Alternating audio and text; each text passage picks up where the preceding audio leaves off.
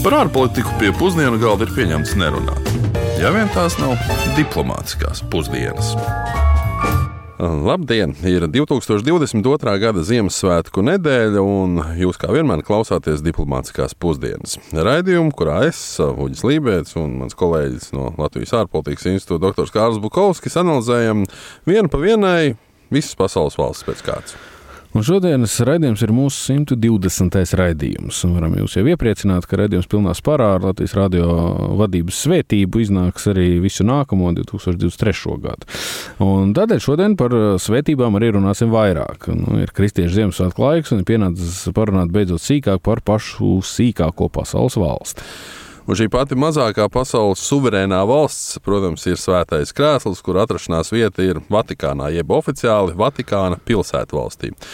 Nu, kā noteikti labi ir zināms, tad Vatikāns ir neliels anklāvs Romas pilsētas ietvaros, tādēļ ļoti bieži svētais krēsls un Vatikāns tiek lietoti kā sinonīmi. Nu, bet līdz galam īsti precīzi tas tomēr nav. Nu jā, līdzībās runājot, Vatikāns ir svētā krēsla galvaspilsēta. Nu, tā vismaz tam pieeja ir Lielbritānijas valdība un arī Amerikas Savienotās valsts. Un kas ir būtiski, jo svētajam krēslam un Vatikāna pilsētvalstī ir pat dažādi ģērboņi. Nu, faktiski tie ir viens un tas pats ģērbonis gandrīz, bet atslēgu krāsa ģerbonī katrai no šīm politiskajām vienībām ir apgrieztā veidā, un nedaudz arī lentītes atšķirās. Respektīvi, nu, nezinātājs nesapratīs un nepamanīs. Nu, svēto krēslu savulaik pirmajā gadsimtā esot dibinājuši svētie Pēters un Pāvils, kas to tehniski padara arī par vienu no senākajām valstīm pasaulē. Un svētais krēsls diplomātiski un politiski ir katoļu baznīcas politiskā virsvadība, kam ir nodibināts diplomātiskās attiecības ar 183 pasaules valstīm Un tas ir arī pastāvīgās novērotāja valsts statusā apvienoto nāciju organizācijā. Un par šo saudabīgo faktu mēs arī vairāk parunāsim pamatēdienā. Vatikāns un Svētais Krēsls pilnīgi noteikti ir intelektuāli aizraujoši politiskie veidojumi, un atsevišķi pētnieki pat ir secinājuši, ka šis faktiskais viens mikrorajons Romas pilsētas ietvaros ir lielākais izglītības un veselības aprūpas nodrošinātājs pasaulē. Bet nu, tagad paklausīsimies, ko par Vatikānu un Svēto Krēslu zinās pastāstīt interesantu mums, mūsu klausītāju, ko kolēģis sastap Rīgas pilsētas pilsētas ielās. Ar ko jums asociējas Vatikāns? Nu, jā, nu kā tā ir uh, pāvests, tur viņš atrodas. Protams, tā valsts atrodas kaut kur Vatikānā. À, nu, to es nezināju. Tā ir, man liekas, mazākā valsts valsti, arī Eiropas Savienībā. Romas pāvests dzīvo. Nu, tas ir atvainojos Itālija, Roma un Vatikāns pats par sevi valsts, kas ir katoļu visu reliģijas centrs. Īsti nē, es neesmu kristietis, tāpēc man tā vieta kaut kā nevisai interesē. Ar Romas pāvestu? Jā, viss, nezinu, nu, ne ar ko citu. Ar uh, to, ka maza. Ar to, ka Itālijā atrodas, bet nav Itālija. No Romas pāvestu, ar katolisko baznīcu, ar uh, arhitektūru, neizmērojamām bagātībām. Uh, un uh, nu, daudzām netīrām lietām, daudzu, daudzu gadsimtu garumā, ieskaitot uh, inkvizīcijas, ieskaitot nu, diezgan netīru, protams, Dienvidamerikas iekarošanu. Nu, tāda, jā, es vispār esmu kristietis, jā, bet nu, man tur tās lietas daudz nepatīk ar vulkānu. Lai gan, manuprāt, tur nemaz nav vulkāna. Ezers, vulkāns, kaut kas tam līdzīgs. Vatikāns ir ļoti līdzīgs Baikālam, manā galvā. Kaut kas ļoti maziņš ar daudz kalniem. Neejot dziļāk dažādos vēsturiskos diskursos un tikai pieminot pamatlietas par Vatikānu un Svēto krēslu, jāpaturprātā, ka pāvestu vara Eiropā visvairāk sāka samazināties pēc Vestfālenes miera līguma 1648. gadā, kas arī ielika idejiskos pamatus mūsdienu valstu suverenitātes principam, proti, ka neviens politisks spēks nav augstāk par valsts vadītāju, nu, tajā laikā monarhu. Nu jā, nākamais varas sabrukuma posms bija idejiskās izmaiņas apgaismības periodā, kad baznīcas dogmatisms un konservatīvs tika aizstāts ar ticību zinātnē, racionālajam prātam un humanismam. Nu, tas sakrit arī ar 19. gadsimta itāļu nacionālismu un mūsdienu Itālijas veidošanās aizsākumiem, un Itālija 1870. gadā likvidēja vairāk nekā tūkstošu gadus pastāvējušo pāvesta valsts. Konflikti un cīņa par varu, protams, turpinājās līdz mūsdienu teritoriālajās un varas robežās. Svētais krēsls nonāca 1929. gadā pēc Laterāna līguma noslēgšanas starp tā brīža Itālijas diktatoru Benito Mussolini un pāvestu Pīvu 11. Mūsdienās svētais krēsls, starp citu, ir arī viena no pasaulē pēdējām absolūtajām monarhijām. Pārējās pasaules valstīs ir konstitucionālās monarhijas ar valdnieku ierobežotu varu vai republikānisku pārvaldes formu. Un Vatikāns šajā ziņā ir nonācis visnotaļ interesantā kompānijā, jo citas sešas monarhijas pamatā ir Arābijas puselā. Tātad tās ir apvienotā Arābu Emirāti, Katara, Omāna, Saudarābija, nu, papildus arī vēl Esvatinī, Āfrikā un Brunei, Austrumāzijā. Nu, domāju, ka par pāvestu vēlēšanām visi ir dzirdējuši pienācīgi daudz, un lielākā daļa no mums ir vismaz divu pāvestu vēlēšanas piedzīvojuši savā mūžā. Ņemot vērā, kāda ir ierastā sistēma, ka par pāvestiem ievēlē tikai gados seniorus cilvēkus, ticamākais, ka piedzīvosim arī vēl kādu. Nu, piedodiet par cinismu. Konkrēti runājot, abi dzīvie šā brīža pāvesta amatā ievēlētie cilvēki ir ļoti cienījumā vecumā. Benedikts 16, kurš no troņa atteicās 2013. gadā, šobrīd ir 95 gadus vecs, un valdošajam pāvestam Franciskam tikmēr pirms trim dienām palika 85 gadi. Pāvestu ievēlošo kardinālu kolēģijā ir 126 cilvēki no visas pasaules, un faktiskais kardinālu skaits gan ir uh, 225 šobrīd, nu, no kuriem viens ir arī no Latvijas. Kopskaitā latviešu izcelsmes kardināli līdz šim ir bijuši tikai divi, un kardinālu kolēģiju varētu saukt par tādu kā nu, savu veidu katoļu baznīcas parlamentāro asamblēju. Nu, ja vien tai būtu nu, pilnvērtīgāka vara, protams. Nu, kas ir interesanti, seriālā jaunais pāvests ar Džudu Lovu, tieši latviešu kardināls Ozoliņš spēlē relatīvi nozīmīgu lomu. Nu, politisko spēli gan viņš visā procesā zaudē, un tādēļ par sodu viņš tiek aizsūtīts strādāt uz Aļasku. nu, jā, nu, to, to, man liekas, ir piemin, pieminējuši un pamanījuši daudzi. Nu, nav gan nepieciešams arī mākslas filmas, lai katoļu baznīcas iekšpolitiskās peripētīs varētu aizraut ar savu daudzveidīgumu. Katoļu baznīcas vēsture ir raiba un pilna ar neiedomājamām lietām. Nu, piemēram, Markam Tvenam bija teiciens, ka patiesība ir dīvaināka par izdomu, bet tas ir tikai tādēļ, ka izdomai ir jāpieturas pie iespējamības loģikas, kamēr patiesībai tas nav jādara. Un šis teiciens ir perfekti attiecināms arī uz katoļu baznīcas vēsturi. Nu, palasiet vēstures grāmatas, ja neticat. Jā, bet tādēļ šodien mēs mirkli vairāk pievērsīsimies pāris citām lietām, kas ir mazāk apspriestas svētā krēsla ārpolitikai un ekonomikai. Un šīs pundurvalsts diplomātiskā un politiskā ietekme ir daudz lielāka nekā citām līdzīgām līdzīgām valstīm. Proti, lai arī Vatikāna teritorijā īsti pat nav pastāvīgo iedzīvotāju, tiek rēķināts, ka tur dzīvo nu, tikai viens līdz četri tūkstoši cilvēku. Katoļu baznīcas klientu skaits tiek rēķināts vairāk nekā miljards cilvēku visā pasaulē. Te ir runa par to, ka cilvēki dažādās pasaules valstīs tāpat pakļaujas savu laicīgo valdību likumiem un noteikumiem. Nu, to vērtību skalu un izpratnes par pasaules notikumiem ietekmē katoļu baznīcas pārstāvju. Un tieši nu, šī maigā vara akadēmiskos terminos izsakoties, ir arī Vatikāna lielākais spēks. Tādēļ arī lielākā daļa pasaules valstu, kā jau minējām, ir nodibinājuši diplomātiskās attiecības ar Svēto krēslu, un no tām arī lielākajai daļai ir rezidējošās vēstniecības. Nu, kas ir interesanti, tad Svētais krēsls ir oficiālās diplomātiskās attiecībās ar Ķīnas republiku, jeb Taivānu, bet tam nav diplomātisko attiecību ar Lielo Ķīnas Tautas republiku. Nu, jāsaka, diplomātisko attiecību Vatikānam nav arī ar Saudārābiju, Afganistānu un vēl vairākām ANO dalību valstīm. Tādēļ konkrētā lieta, par kuru mēs šodien gribam aplūkot Vatikāna ārpolitikas kontekstā, ir intriģējošais fakts, ka Svētais Krēsls ir pastāvīgi novērotāja statusā apvienoto nāciju organizācijā. Kā zinām, tad ANO starptautiski atzītas ir 193 valstis, un ir divas pastāvīgās novērotāju valstis - Svētais Krēsls un Palestīnas valsts.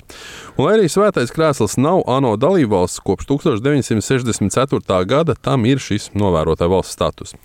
Un mēs gribējām par šo, nu, mūsuprāt, visai saudabīgo fenomenu uzzināt ko vairāk. Tādēļ mēs vaicājām padomu un, un, un vēsturisku izklāstu doktoram Andrim Priedem, kurš ir Latvijas Universitātes teoloģijas fakultātes docents un arī Rīgas sāpju diamāts draudzes priesteris. Svētā krēsla ārpolitiskās aktivitātes nevar izskaidrot bez tūkstošgadīgās pieredzes jo daudzos un dažādos vēstures periodos, kur Vatikāna valsts, ja mēs ar to saprotam, to valsti, kas ir dzimusi 8. gadsimtā, Karolīngu un Langobārdu valstu konfrontācijas rezultātā, tad šai valstī, kas pēc savas teritorijas aizņēma nu, apmēram divas trešdaļas Latvijas. Tātad ne pati lielākā Eiropas valsts. Tikai tas anklāvs, kas bija no Tirēna līdz Adrijas jūrai, tātad pa vidu Itālijai, nu, un tad uzturēt savu diplomātisko preeminenci, savu vadošo lomu Eiropas un vēlāk arī, teiksim, kad attīstījās starptautiskā, starpkontinentālā politika. Tas Vatikānam ir bijis vienmēr izdzīvošanas jautājums. Pāvests sevi pozicionējis vienmēr kā karalis starp karaļiem, ka viņš nav tikai un vienīgi viena garīgā autoritāte, kā svētais krēsls, ekskluzīvi katoļu baznīcas galva, katoļu konfesijas garīgais līderis, bet ka viņš ir viens no, ja neteiksim pat viens no, bet varbūt pirmais starp. Īpaši tas bija svarīgi, teiksim, Napoleona kara laikos. Šī vēsturiskā pieredze tā tad ir mācījusi, ka ir jāiegulda maksimāli daudz sava diplomātiskā statusa uzturēšanā. Vatikāns nelaiž garām pilnīgi nevienu iespēju, lai paustu savu pozīciju. Un tas jau ir formulēts pāvesta Jāņa Pāvila otrā uzrunā, kur viņš saka, es vēlos būt visu to balss, kuriem nav sava balss. Izklausās mazliet divkosīgi, nu, viens valsts galva, un tagad viņš sevi prezentē kā visemarģinētāko un visbalss netiesīgāko personu portavoče runājot, teiksim, Vatikāna terminoloģijā. Bet lielā mērā tas tomēr ir taisnība. Reiķināsim viens miljards katoļu, no kuriem lielākā daļa šobrīd tie vairs nav pārtikušās Eiropas vai Ziemeļamerikas kristieši, bet kas ir jaunatīstības valstu pārstāvi un kuru intereses svētajam krēslam ja viņš vēlās attaisnot savu eksistenci, tomēr ir jāizstāv. Arī tais gadījumos, ja jautājumi ir kontroversāli, jo um, ne visa, teiksim, ētikas normas, kas um, tiek um, bīdītas, ja drīkst lietot šo apzīmējumu, starptautiskajā apritē kā viena no cilvēku tiesību sastāvdaļām, ir pieņemamas katoļu sirdsapziņai. Mēs atceramies konstitucionālo krīzi Beļģijas karaļvalstī, kad suverēns karalis Boduēns, balstoties tikai un vienīgi uz savu katoļa sirdsapziņu, atteicās pārakstīt abortu likumu. Un identisks gadījums bija Luksemburgas lielhercogs, kurš atteicās pārakstīt eutanāzijas likumu un nevis kādu politisko, ekonomisko vai citu apsvērumu dēļ, bet tikai un vienīgi kā kristietis katolis. Šajā apritē domu dažādība tikai aktualizē tēmas eh, svarīgumu. Šeit vēl jāpiebilst, ka svētais krēsls ir arī novērotāju statusā, piemēram, tādās starptautiskās organizācijās kā Eiropas padome, Arābu līga, Amerikas valstu organizācija. Nu, varētu teikt, tad, ka svētais krēsls varētu būt uzskatāms par tādu kā milzīgu diplomātisko dienestu ar globālu tvērumu. Daudzu mazu valstu sapnis, varētu teikt. Mm -hmm. Bet, lai tādu uzturētu, vajag naudu. Nu, un par to, kāda ir Vatikāna ekonomika. Jā, Vatikāna ekonomikas pamatā ir ienākumi no nekustamā īpašuma izīrēšanas, kā arī, protams, baznīcas klientu, diecēžu un iestāžu ziedojumu, tā saucamais Svētā Pētera pens. Vatikāns arī aktīvi nodarbojas ar finanšu investīcijiem vērtspapīros, zeltā, nu, kas sasniedzot apmēram 2 miljardu eiro lielu apjomu. Nu, papildus atsevišķu budžeta ieņēmumu plūsma nāk arī no Vatikāna muzeja un pastu nodaļas ieņēmumiem, kā arī pastmarku monētu, medaļu, turistu piemiņas lietu, nu, tādu kā leduskapa magnētiņu, tirzniecību un publikāciju izdošanu. Nu, tā visa rezultātā Vatikāna pilsētvalstī pieejamais budžets ir apmēram 300 miljoni eiro, kamēr kopējais IKP oficiāli netiek aprēķināts. Pirms pieciem gadiem veikts žurnālistu pētījums izteica minējumu, ka katoļu baznīcas vērtība varētu būt apmēram 30 miljardi eiro. Nu, respektīvi, ekonomikas nedaudz mazāka par Latviju, bet uh, IKP uz vienu iedzīvotāju gan, protams, to mazā skaita dēļ padarītu par ārkārtīgi bagātu. Ja Jā, kā liecina Ilona Maska nesenais pirkums, svētā krēsla saimniecība ir apmēram uz pusi mazāk vērtīga nekā viena pati Twitter kompānija. Nu, kā saka, cipari ir interesanti un amizanti, vai ne? Tāpat kā fakts, ka Vatikānam ir īpaša vienošanās arī par eiro lietošanu tā ekonomikā. Proti, Vatikānam ir tiesības dizainēt savus eiro monētas. Nu, mūsu veikalos gan tās tik viegli neatradīsiet, un ja kādu pēkšņi ierauga, tad silti ieteikt pieturiet to, jo tās vērtība pilnīgi noteikti ir daudz augstāka par nominālu. Pamatēdienu noslēgumā jāsacina, ka Svētais Krēsls un tā administratīvā galvaspilsēta Vatikāns ir patiesi unikāls veidojums starptautiskajā politikā. Tā ir ļoti moderna un pielāgoties spējīga starptautiskās sistēmas izmaiņām. Vatikāna ārpolitika ir dinamiska, daudzpusīga, ar izpratni, ka starptautiskās tiesības un daudzpusējā diplomātija ir ļoti būtisks elements mūsdienīga diplomātiskā dienesta darbībai. Lai cik būtu paēdis, vienmēr ir vieta arī desertam. Daudz lietas, par kurām neizrunājām, protams, ir daudzskaitlīgie mūsdienu skandāli, novecojušie mūsdienu ekonomiskajai sistēmai un tehnoloģiju attīstības līmenim, neatbilstoši uzskatu par dzimumiem un cilvēku seksuālajām attiecībām, un, protams, arī šaušalīgie, sistemātisks un masveidīgs seksuālās vardarbības gadījumi pret bērniem, kas ir palikuši faktiski nesodīti. Jā, viss tevis minētais noteikti ir atsevišķas analīzes, izvērtēšanas, nosodīšanas, izmeklēšanas vērts, bet um, tuvojas Ziemassvētki. Lai cik pagāniskās tradīcijās tie oriģināli nesakņotos, šim ir jābūt miera un gaišuma laikam. Nu, tādēļ mēs parunāsim par vienu lietu, kas uh, vienmēr staro gaišumu, proti par bibliotekām.